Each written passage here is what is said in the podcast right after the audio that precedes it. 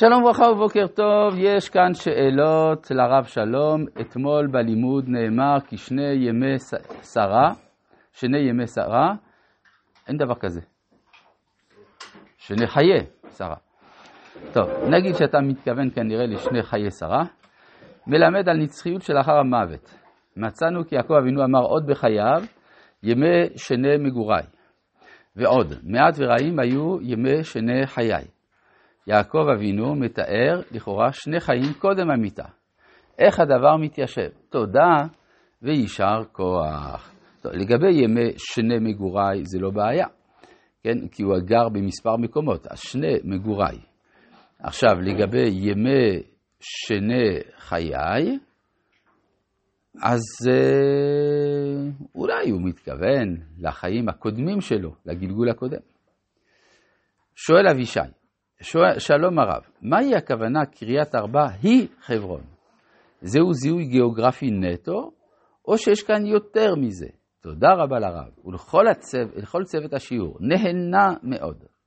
וואלה.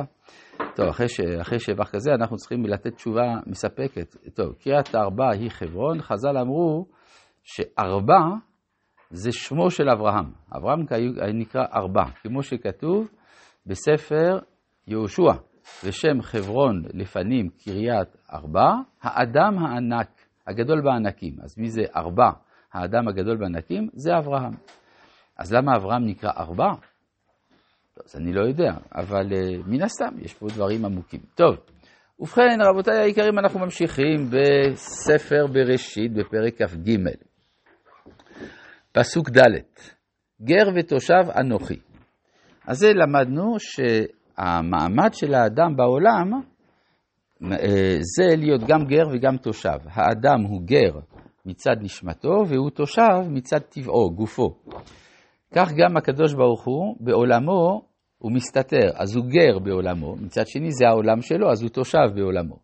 לכן מי שיש לו חוויה של גר ותושב, הוא זה שיכול להכיר את האלוהות, כי הוא דומה הוא דומה לאלוהות במעמדה כלפי העולם, גר ותושב, אנוכי. עכשיו, מה שאברהם מנסה להסביר לאנשי חברון, לבני חטא, הוא אומר, עמכם, גם אתם כאלה. כלומר, לא רק אני גר ותושב, אלא כל אדם בעולם הוא גר ותושב. ולכן, מכוח זה תנו לי אחוזת קבר עמכם וגבירה מתים מלפניי. מה המשמעות של תנו לי אחוזת קבר עמכם. אנחנו מכירים ממקורות חיצוניים שבימי קדם לא היו נותנים אחוזת קבר אלא למי שיש לו תושבות על המקום, זאת אומרת שהוא אזרח. בעצם קבלת אחוזת קבר זה גם להיות, אה, זה גם להיות אזרח. מה שאין כן, אם לא, אז אתה יכול לשכור קבר, לקבור בקבר של מישהו אחר או משהו כזה, אבל לא לקבל קבר קבוע. עכשיו צריך להבין מה זה קבר באותם הימים. באותם אה, הימים לכל אדם יש מה שנקרא קבר זמני, ואחרי שנה או זמן כלשהו מעבירים את העצמות למקום אחר. אז כך שאדם יכול להשתמש באותו קבר מספר פעמים. אבל אז הוא צריך לפנות את המקום בבוא הזמן. לעומת זה, אם זה הקבר שלו, הוא יכול גם להשאיר שם את המת לנצח. לכן מבקש אברהם, תנו לי אחוזת קבר עמכם. מה זה תנו? תנו זה לא כמו בעברית מודרנית במתנה. תנו זה יכול להיות במכירה. כלומר, אברהם מוכן לשלם, רק נקרא תנו בכסף. כמו שאנחנו רואים גם בהמשך. ואקברה מתים מלפניי, ויענו בנחת את אברהם לאמור לו. שמענו אדוני, נשיא אלוהים אתה בתוכנו. בעצם מה הם אומרים לו? אנחנו לא מקבלים את השיח שלך, את מה שאתה טוען שאנחנו גר ותושב. אתה מדבר ככה בגלל שאתה נשיא אלוהים. אדם כמוך, שהוא נשיא אלוהים, הוא רואה את הדברים מגבוה. אבל אנחנו עם הארץ. אנחנו, לא, אנחנו בכלל לא בתפיסה הזאת שרואה את האדם כגר בעולם. אנחנו עם הארץ, באים מן האדמה. כן. ולכן יש פה פער בלתי ניתן לגישור בין האישיות של אברהם לבין בני חטא. אבל הם מציעים לו הצעה נדיבה, במבחר קברנו וקבור את מתיך, איש ממנו את קברו לא יכלה ממך מקבור מתיך, אבל במתנה או במכירה אתה לא תקבל. ויקום אברהם וישתחו לעם הארץ לבני חטא. לא, איפה זה כתוב? הם מציעים לו לקבור. הם לא נותנים לו שום דבר, לא כתוב בפועל לתת. הוא ביקש, תנו, הוא אומר תקבור. זה שלנו, רק אתה תקבור, בסדר? זאת אומרת שהם לא נותנים לו אזרחות. אומרת, הם לא מקבלים אותו כחלק מהם, או הם לא מצטרפים להצעה שלו לראות את עצמם כגר ותושב. זאת אומרת, אברהם כאן רואה שהוא נכשל עם בני חטא. הוא לא מצליח לרומם אותם. ואז הוא זקוק לאסטרטגיה. וידבר איתם לאמור, אם יש את נפשכם לקבור את מתים מלפניי, אז לפחות זה אתם מסכימים. מה? כי הוא הולך לבקש מהם טובה. עכשיו הוא הולך לבקש מהם טובה, כן. אם יש לנפשכם לגבור את מתי מלפניי, שמעוני. ופיגעו לי בעפרון בן צוחר. מה זה עפרון? איש האדמה, עפר. צוחר, לבן בוהק. זאת אומרת, הוא חושך שמקורו באור. הוא מבטא את הנפילה של האנושות מהאדם הראשון עד בני חטא. פעם, פעם זה היה צוחר, עכשיו זה עפרון. עכשיו, אברהם מבין שעפרון מבין את זה. ולכן הוא רואה בעפרון מי שיסכים להעביר את השרביט מאדם הראשון, צוחר, לעם ישראל דרך אברהם. כלומר,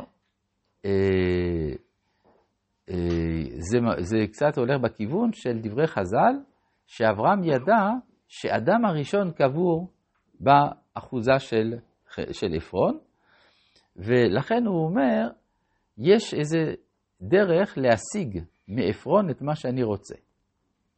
וייתן לי. הנה, כאן הוא אומר, אתם לא רוצים, אתם רוצים רק לקבור, אני רוצה, ייתן לי. את מערת המכפלה אשר לו, אשר בקצה שדהו, בכסף מלא ייתננה לי בתוככם, לאחוזת קבר. עכשיו, כן. למה לא רצה מלכתחילה לבוא ישר לפרונט? כי הוא יודע, יודע שהם לא יסכימו שהוא ימכור. וגם פה אנחנו רואים שאברהם, יש לו איזושהי הבנה עם עפרון כיצד לעקוף את ההתנגדות של בן חטא. וזה מה שהוא אומר, וייתן לי את מערת המכפלה אשר לו. אז מה רוצה אברהם? הוא רוצה את המערה. והוא לא רוצה את השדה. מערת המכפלה אשר לו אשר בקצה שדהו. מדוע אברהם רוצה מערה דווקא ולא שדה? מערה זה מקום שהשימוש שלו, הטבעי, זה בשביל קבורה. שדה זה לא בשביל קבורה. שדה זה בשביל גידול. אם הוא יקנה שדה מעפרון ויקבור את שרה שם, יגידו לו, בסדר, אתה לקחת את אשתך וקברת אותה בשטח חקלאי, לא בשטח המיועד לקברים. אז אין לך אחוזת קבר, יש לך שדה. אדם קבר בשדהו את מתו. אבל זה לא שאתה באמת בעל הבית כאן. יש לך רק שדה, אין לך מערה. לכן אברהם מקפיד לבקש רק את המערה ולא את השדה. ועפרון יושב בתוך בני חטא, ויען עפרון את אחיתי את אברהם באוזני בני חטא, לכל באי שער יראו לאמור. כלומר, יש שיח של עפרון שמיועד לאוזני בני חטא, ויש שיח סודי סמוי בין עפרון לבין אברהם. ועפרון לכאורה משחק פה משחק כפול, הוא מרצה את בני חטא, אבל מוצא תחבולה כדי לעזור לאברהם לקבל אחוזת קבר. ואז הוא אומר לו, אה, וידבר עפרון באוזני עם הארץ לאמור, סליחה, לא, לא, לא, לא, לא אדוני שמעני, מה זה שמעני? תבין מה אני אומר לך, אני רומז לך משהו. השדה נתתי לך.